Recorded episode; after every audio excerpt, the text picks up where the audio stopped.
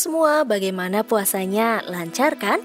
Oh iya, untuk keluarga kita yang terkena diabetes mellitus, apa bisa menjalankan puasa?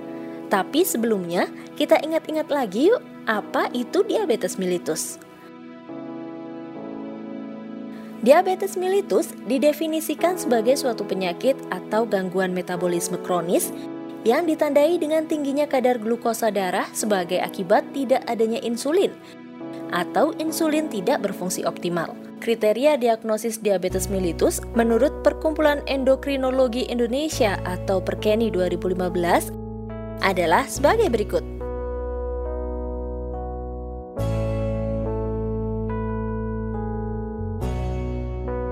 Nah, jadi boleh kan diabetes berpuasa? Boleh kok untuk resiko rendah yaitu DM tipe 2 tanpa komplikasi, HbA1c kurang dari 7% dan dengan obat diabetes oral. Untuk risiko sedang, boleh berpuasa namun dengan hati-hati, yaitu pasien DM tipe 2 tanpa komplikasi, HbA1c kurang dari 8% dan dengan obat diabetes oral atau short acting insulin. Bagaimana dengan yang risiko tinggi?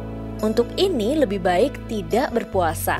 Kriterianya adalah pasien dengan rata-rata gula darah 150 hingga 300 mg per desiliter atau HbA1c 8 hingga 10%. Pasien dengan komplikasi ginjal dan pembuluh darah, pasien yang tinggal sendirian dan mendapat terapi insulin, pasien dengan komorbid seperti gangguan jantung, stroke, keganasan, lansia berusia lebih dari 75 tahun. Yang perlu diperhatikan untuk resiko sangat tinggi, ini jelas tidak direkomendasikan untuk berpuasa.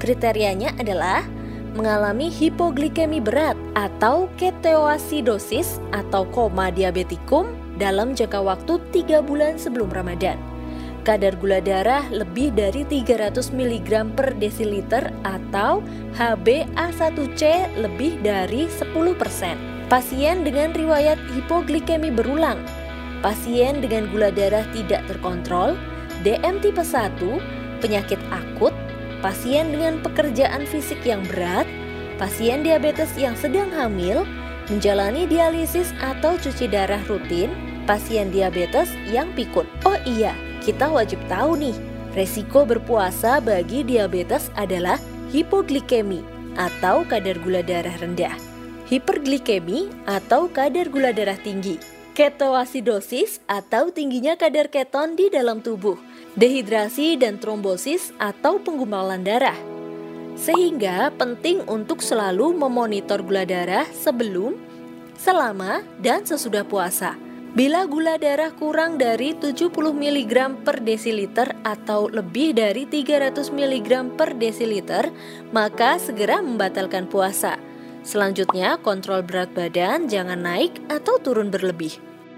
Perlu kita ketahui ada empat pilar penata laksanaan diabetes. Yang pertama, edukasi. Berkonsultasi ke tenaga kesehatan seperti dokter, ahli gizi, apoteker sebelum menjalankan puasa Ramadan untuk memastikan kondisi dan resiko berpuasa, pemantauan gula darah, penyesuaian dosis obat, penanganan kondisi darurat, dan lain-lain. Kedua, terapi gizi. Hal ini bisa dilakukan dengan menerapkan prinsip 3J. Tepat jumlah, tepat jadwal, tepat jenis. Tepat jumlah harus disesuaikan dengan kebutuhan kalori berdasar berat badan dan tinggi badan pasien yang masing-masing orang berbeda. Sebaiknya konsultasikan dengan ahli gizi. Tepat jadwal. Makan utama dua kali per hari, saat sahur dan setelah berbuka puasa. Selingan dua hingga tiga kali per hari saat berbuka puasa dan sebelum tidur. Usahakan makan sahur di akhir waktu, jangan terlalu awal. Tepat jenis. Makan menu seimbang saat sahur dan setelah berbuka puasa.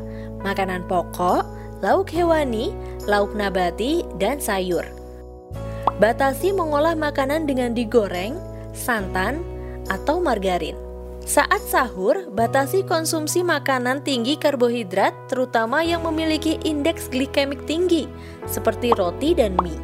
Perbanyak konsumsi makanan sumber karbohidrat kompleks seperti sayur dan buah, serta makanan sumber protein seperti telur, ayam, ikan, daging, tahu, dan tempe. Konsumsi cairan yang cukup, serta batasi konsumsi teh, kopi, dan soda, terutama saat sahur, karena teh, kopi, dan soda dapat merangsang buang air kecil sehingga dapat meningkatkan resiko dehidrasi. Konsumsi kurma diperbolehkan dengan batasan maksimal 3 butir per hari. Hindari makan berlebih saat berbuka puasa. Hindari makanan dan minuman yang tinggi gula saat berbuka atau sahur dan saat makan makanan selingan. Jenis makanan selingan yang dianjurkan adalah buah, kacang-kacangan, rebusan, susu khusus diabetes, yogurt plain, dan roti tawar. Hati-hati dalam mengkonsumsi makanan selingan antara waktu buka dan sahur. Ingat, jangan terlalu sering dan terlalu banyak. Kita lihat tabel berikut ini yuk.